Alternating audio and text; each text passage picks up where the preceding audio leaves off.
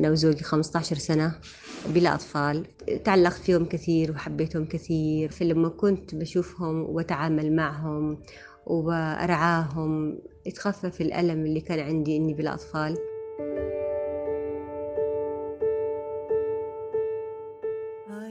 كارثة كبيرة حلت على مدينة عدن. فقدت فيها أجمل شيء في في حياتي.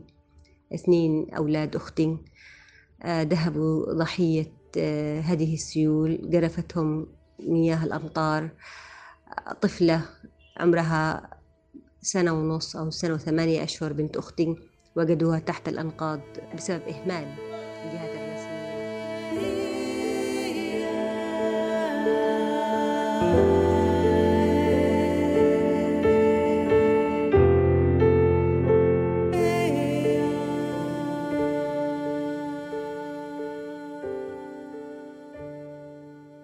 سمعتوا صوت رندا عكبور إعلامية يمنية من مدينة عدن تخرجت سنة 2004 من كلية الإعلام قسم العلاقات العامة وبدأت مسيرتها المهنية لوقت توقفت عن الظهور الإعلامي مؤخرا وتحولت لبيع الورود والأشجار بمنطقتها المعلى شو صار مع رندا؟ وشو سبب هالتغيير الكبير بحياتها ونظرتها لمهنتها؟ كان دراستي لهذا المجال يعني مجرد صدفة لم أخطط ولم أفكر ولا كان حلمي أني أكون إعلامية في يوم من الأيام. أثناء طفولتي كنت كنت متفوقة الحمد لله في في الدراسة. مثل أي طفلة كانوا بيسألوني حابة تكوني في المستقبل إيش؟ فكنت أقول أتمنى أكون دكتورة. أبي وأخوالي أخوالي ويعني والمحيط بي من العائلة دائما آه، بيقولوا لي دكتورة رندا وكذا يعني. لكن آه، الإعلام أبدا ما فكرت فيه رغم أن أبي صحفي ومحرر صحفي في وكالة الأنباء آه، اليمنية سبأ. سابقا قبل الوحدة كانت وكالة أنباء عدن. يعني هو من السبعينات وهو يعمل في هذا المجال. لم أفكر في أن أكون يوما ما إعلامية سواء صحفية أو مذيعة. يعني ممكن يكون أنه بسبب آه، الأوضاع التي يمر فيها الصحفي أو الإعلامي بشكل عام في بلدنا آه، خاصة في المراحل السابقة أثناء طفولتي. فكنت أشوف أنه الوالد ظروف آه، ظروفهم صعبة الإعلاميين بشكل عام ومنهم الوالد كمان. أثناء يعني امتحان شهادة الثانوية العامة تحصلت على مجموع يدخلني كلية الهندسة ولا أستطيع أن أدخل كلية الطب. فزعلت شوية رغم أنه ما حلم طفلة أني أكون طبيبة. لكن مش عارفة يعني إلى الآن أنا إلى اليوم آه، أشعر إني ما ندمتش أبدا آه، إني ما كنتش طبيبة أو آه، يعني لو كنت طبيبة كان أفضل ما فكرت أبدا.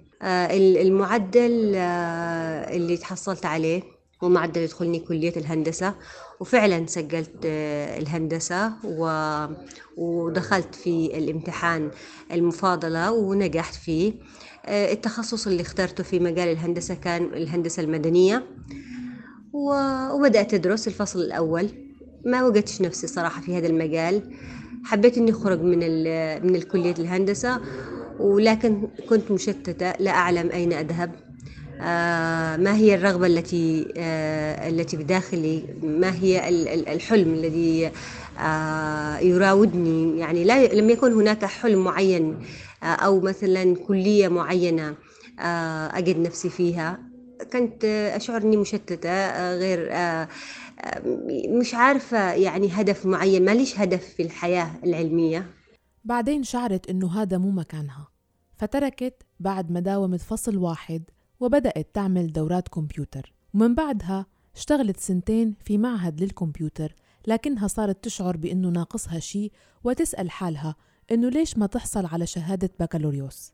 فوجدت نفسي أني أشعر أنه ناقص حاجة تنقصني شيء معين آه إنه لابد إني أكون عندي بكالوريوس ولازم أدرس ولازم أكمل دراستي وخاصة إني كنت متفوقة في المراحل الابتدائية والثانوية. فقلت أدرس طيب إيش من كلية؟ يعني قصيت أفكر فكرت كثير إيش من كل اللي بدخلها.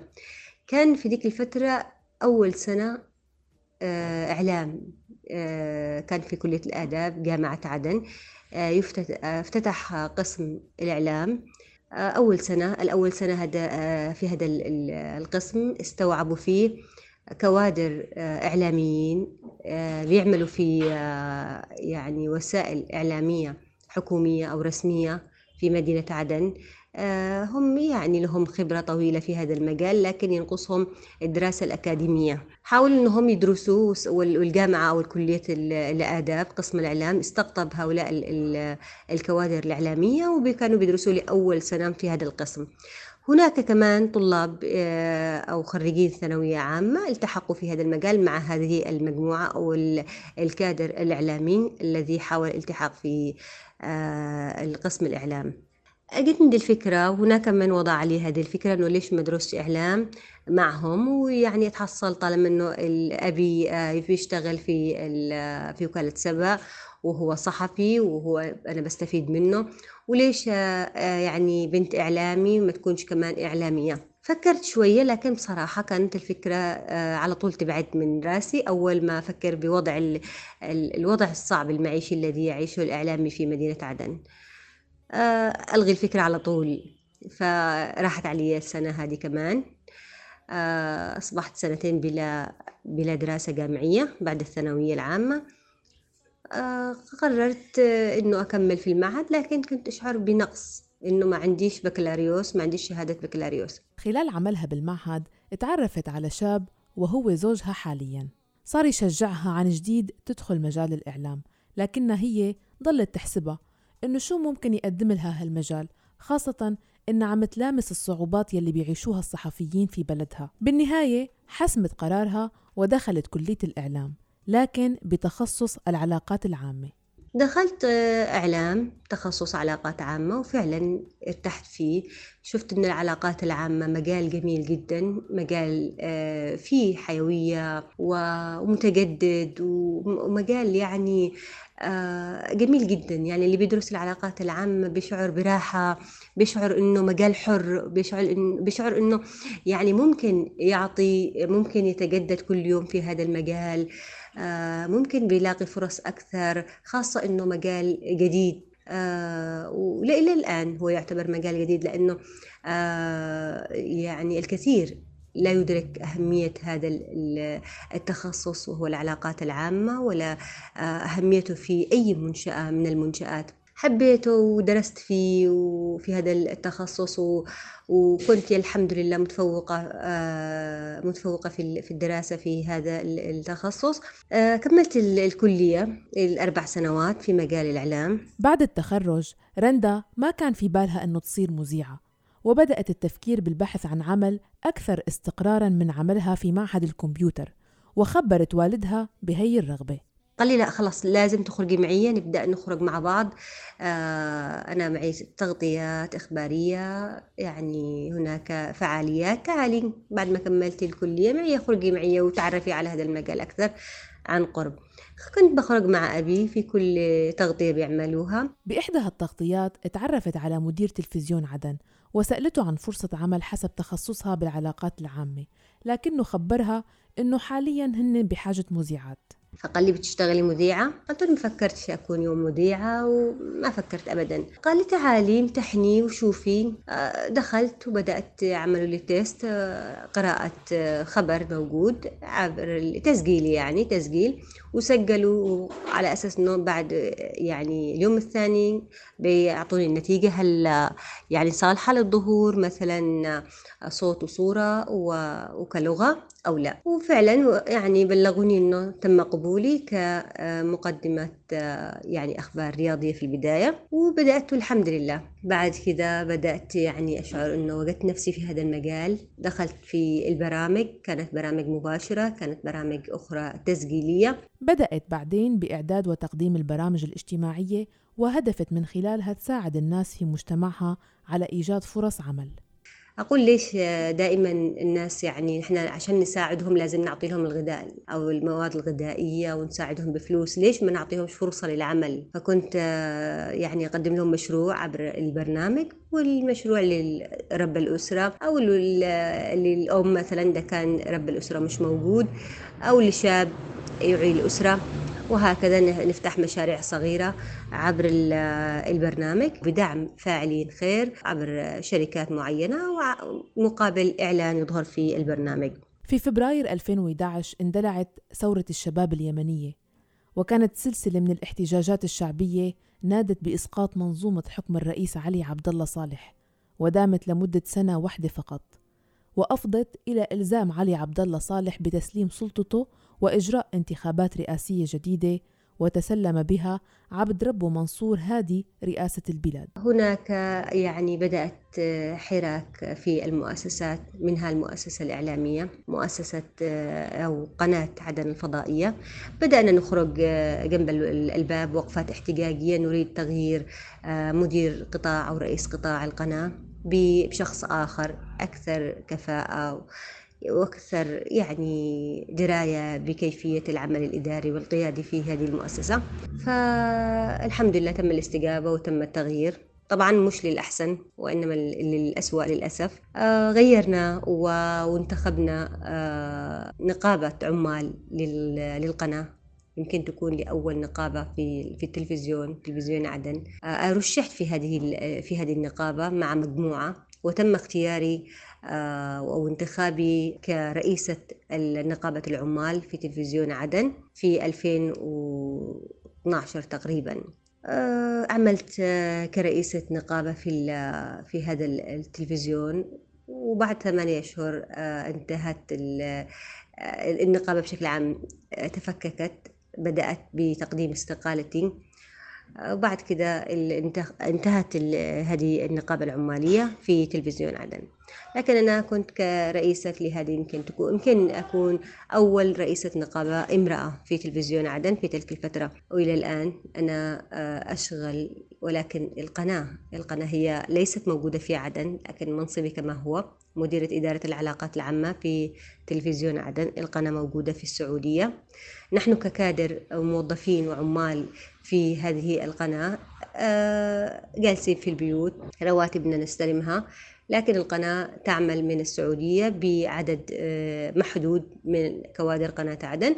ما وجدتش نفسي في هذه المرحلة إني أكون إعلامية خاصة الوضع, الوضع السياسي للبلد مماحكات سياسية آه، الوضع غير مستقر غير آمن آه، المماحكات بشكل عام انقسام البلد إلى أطراف كل طرف له طاقم إعلامي وكوادر إعلامية يعملون آه، لصالح تلميع طرف أو الهجوم على طرف آخر. فأنا في وسط هذه الفوضى لم أجد نفسي ولا أستطيع أن ولم أستطع أن أقدم شيء لصالح الأهداف التي كنت أسعى لها وهي العمل لأجل المواطن ولأجل وطني العمل لأجل المواطن المغلوب على أمره. هذا الوضع أثر على رندا فبدأت تبحث عن قناة تستطيع من خلالها العمل على هذا النوع من البرامج. وفعلا اشتغلت معدة ومقدمة برنامج اسمه لغد أجمل مع إحدى المحطات اليمنية واستمر هذا البرنامج لمدة سنة ثم توقف. وفي مطلع سنة 2020 قدمت برنامج في قناة تلفزيونية محلية حول فيروس كورونا لمدة أربع أشهر تقريبا إلى أن حصلت كارثة السيول بمدينتها عدن. كارثة كبيرة حلت على مدينة عدن فقدت فيها أجمل شيء في في حياتي. اثنين أولاد أختي آه، ذهبوا ضحية آه، هذه السيول جرفتهم مياه الأمطار طفلة عمرها سنة ونص أو سنة وثمانية أشهر بنت أختي وجدوها تحت الأنقاض بسبب إهمال الجهات الرسمية في الدخول إلى البيت الذي اهتد عليهم. الطفل جرفته مياه السيل إلى أمام بوابة ميناء عدن. هم كانوا بالنسبة لي مش أولاد أختي فقط هم كانوا أولادي. أنا متزوجة من 2005 أنا وزوجي 15 سنة بلا أطفال. تعلقت فيهم كثير وحبيتهم كثير. فلما كنت بشوفهم وأتعامل معهم وأرعاهم يتخفف الألم اللي كان عندي إني بلا أطفال بيعوضوني حاجات خسرتها وبيعوضوني شعور الأمومة اللي, اللي خسرته. بيعوضوني يعني الإحساس إنك يكون لك طفل وتعيش عشانه وتعيش له وتعمل له وتفكر فيه وتفرح إنك بتلاقي حاجة عشان عشان تستمتع وهو بيستمتع معك وتستمتع لإنك أسعدته. فمشاعر يعني فقدتها بفقدان آه، هؤلاء الطفلين. حزينة جدا لفراقهم. لكن الحمد لله هذا قدر الله وقضاءه. وربنا يصبر أختي على هذا المصاب الأليم. يعني بعد هذا الحادث آه، أصبحت عندي عزوف من الشاشة. هذا واحد. ثانيا إنه كل قناة بتشتغل فيها لازم لها سياسة معينة. الوضع السياسي بشكل عام ممكن يحتم عليهم إنهم يسيروا في في طريق معين ويكون لهم سياسة معينة. هذه السياسة أنا آه، لا أجد نفسي فيها ولا أجد آه، نفسي إني أعمل في في ظل هذه السياسة لأني لي هدف معين إنه أعمل لأجل المواطن ولأجل مدينة عدن. آه، هذه المدينة التي أعطتنا الكثير ولم نعطيها شيء. فقررت ترجع تركز على عمل المؤسسة يلي حصلت على ترخيصها سنة 2013 باسم مؤسسة شباب عدن للتنمية وعدلت اسمها لاحقا ليصير على اسم برنامجها لغد أجمل. فقلت لماذا لا أعمل أنا في هذه المؤسسة في آه، الجانب التنموي؟ لماذا لم تكون لي آه، يعني آه، مقترحات تنمي الشعور لدى المواطن بحب الزرع بالنظافة بالجمال؟ يعني بأشياء كثيرة افتقدناها في هذه المدينة. فاشتغلت وبدأت لكن وجدت كمان صعوبة في الدعم لهذه المؤسسة. المنظمات الدولية بتشتغل لها سياسة معينة كمان.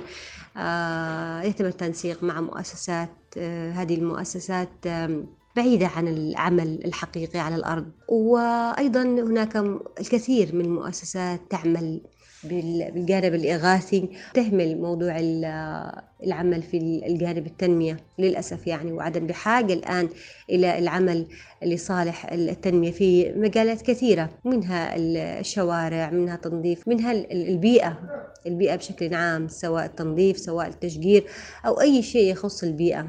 أحبط يعني كمان إنه المؤسسة لم أجد دعم لمؤسستي بحيث أشتغل وأعمل فيها وأقدم حاجة لمدينتي الحبيبة عدن. بعد ما شعرت رندا بالإحباط من استمرار عمل مؤسستها لغد أجمل، قررت تنتقل لخطوة جديدة. فقلت لماذا لا أتجه في نفس المجال وأشتغل ويكون معي آه، مصدر دخل وبنفس الوقت بحاجة أحبها اللي هي التشجير. فقلت يا رندا لماذا لا تعملي مشروع هو آه، عبارة عن آه، محل أو مشتل تبيعي فيه شتلات أشجار ورود. أنا كنت في في الإعلام بقدم رسالة توعية الناس. توعية الناس بحب العمل. توعية الناس بحب النظافة بحب الجمال بالاهتمام بالبيئة. كانت رسالتي. لماذا يكون كمان العمل التجاري اللي, ببدأ فيه أو باخوض فيه؟ لماذا لم يكون عمل في في جانب آه، يعني يقدم رسالة أيضا للناس اللي هو التشجير؟ لماذا لم أحبب الناس في في في الزرع؟ أنا صحيح إنه مجال يمكن يكون إنه الناس في عدن آه، مش مهتمين الكثير يعني. مثلا ما أقولش أنا الكل وإن هناك في ناس تحب الزرع وتحب التشجير وكذا لكن أنا الغالبية إنه آه، مش مهتمين في هذا لأن ثقافة التشجير مش موجودة لديهم. فقلت آه، صح إنه مشروع مش منتج آه، آه، يعني مش مربح ما بيحقق ليش ربح بشكل سريع. ممكن هذا المشروع يعني يحتاج إلى وقت إنك بتغيري في وعي الناس على اولا تغيري في وعي الناس وتحببيهم في هذا المجال وبعدين ممكن تجني ثمار هذا المشروع. واليوم مستمرة بهذا المشروع وعندها أمل رغم دخله المنخفض أنه يكون أثره إيجابي عليها وعلى مجتمعها. أنا مرتاحة فيه. يكفي أني أجلس آه، أمام الأشجار وأكون مستمتعة. أرتاح نفسيا كثير عندما أجلس في هذا المكان. أشعر أنه هناك هموم تنزاح من على صدري. آه، أحزان يعني أشياء لمتني مثل فقدان أولاد أختي. عدم يعني حصولي على مكانتي الحقيقية يعني ليس غرور ولكن يعني الحمد لله لاسم طيب في عدن. الكثير بيعرف من هي رندا عكبور. آه بدأت وتعبت يعني وحفرت اسم مش بالسهل. أنا حتى اسمي يعني مش إنه آه بسهولة جدا. أنا حرمت من الطلوع بفترات من الشاشة لمدة سنتين ونص. لأني عملت كرئيسة نقابة في تلفزيون عدن وكنت آه، آه، لأني أعترض يعني على أشياء وأدافع عن حقوق الموظفين والعمال في التلفزيون فكنت أواجه القمع والتوقف عن الطلوع في والظهور في الشاشة من قبل رئيس القطاع أحرم من البرامج أحرم من المستحقات لأني أعمل لأجل الموظف في هذه القناة. آه، والسبب إنه يعني أنا أعمل بكل مسؤولية لأني رئيسة نقابة مرشحة أو منتخبة من قبل العمال الموظفين اشعر إنه هذه أمان لازم أؤديها. ولكن كنت أجد القمع يعني لا أجد حقوقي في هذه القناة آه، يعني اضطهد يعني. كإعلامية عم بتمارس رندا حقها على حد تعبيرها وعم تكتب في بعض المواقع بالإضافة لنشاطها على مواقع التواصل الاجتماعي. آه، الحمد لله أنا مرتاحة بما وصلت له الآن. الشغل هذا والمشروع الصغير التجاري اللي هو عبارة عن محل بيع النباتات الطبيعية ومستلزمات الزراعة. آه، أنا أسميته باسم رندا. هذا المشروع أنا يعني مرتاحة فيه وسعيدة. زوج رندا كان داعم ومساند لإلها بكل خطوات حياتها العملية وكان يتبنى مشاريعها حتى إنه تعلم مونتاج الفيديوهات من أجل برامجها وطبعا بمشروع المشتل له دور كتير كبير.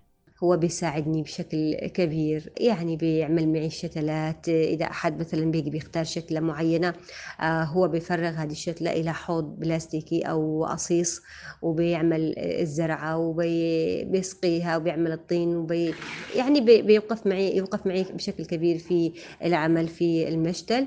آه، إضافة إلى أن معي أختي أم الأولاد أم صقر وتيمة الأطفال الذين فقدوا حياتهم في السيل الذي أصاب مدينة عدن في شعبان كما قلت. آه، أمهم هي معي تساندني تخرج معي من مشتل إلى مشتل نبحث عن الأشياء الجميلة في أي مكان نجده في هذه المدينة في عدن. نروح نختار مستلزمات الزراعة نروح نبحث عن كل جديد أنا وهي. آه، اثنين داعمني زوجي وأختي آزال. هم واقفين معي في هذا العمل. والحمد لله أنا مرتاحة جدا وإن شاء الله آه، أجد التفاعل من الناس. والحمد لله أنا بصراحة وجدت تفاعل وأطمح في المزيد. آه، أطمح إنه كل مواطن في مدينة عدن إنه يحب الزرع وإنه يزرع أمام بيته. أتمنى إنه الدولة والجهات المسؤولة في مدينة عدن تعمل لأجل أن تكون عدن كامل مساحة خضراء أن تزداد المساحات الخضراء في عدن بشكل هي أصلا آه، تفتقر عدن إلى المساحات الخضراء. يعني أنا أريد أن تغطي عدن كلها أن تكون عدن كلها خضراء. عدن تستحق أن تكون جميلة هي فعلا جميلة وتستحق أن تكون الأجمل. رندا بتشوف إنه لما نحاوط أنفسنا بالجمال فهالشي رح ينعكس على نفوسنا ويدفعنا للعمل والإنتاج أكثر وهالشي بتعتقد إنه ضروري جدا لأهالي عدن يلي عاشوا وما زالوا عم بيعيشوا أوقات عصيبة. وجدت فرص إني أسافر خارج البلد إني أعيش في أي دولة سواء دولة عربية أعمل في مجال الإعلام. وجدت فرصة للجوء الإنساني وهناك من عرض علي المساعدة والخروج من البلد والهجرة آه، كلجوء آه، سياسي آه، بسبب يعني الإعلاميين وما حصل للإعلاميين في عدن والوضع الأمني الغير مستقر. فأنا دائما أرفض زي هذه العروض لأني لا أحب أن أخرج من عدن. ودائما أقول إذا كل شخص يعني خرج وترك عدن عشان يحسن وضعه المعيشي عشان يشعر بالراحة ويهرب من ضغوطات الحياة والوضع السياسي والغير مستقر ويعني ويكون نفسه كمان. آه، من سيبقى في عدن؟ من سيعمل لأجلها؟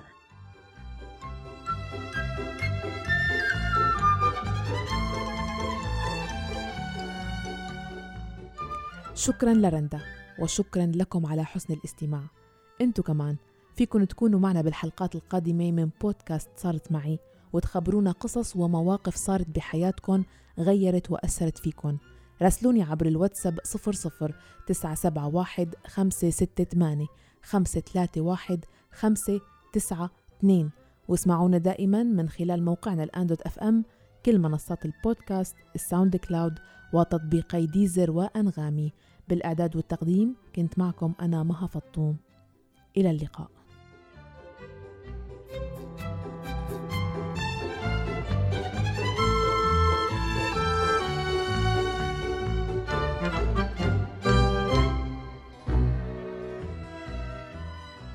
بودكاست صارت معي مع مها فطوم على راديو الآن.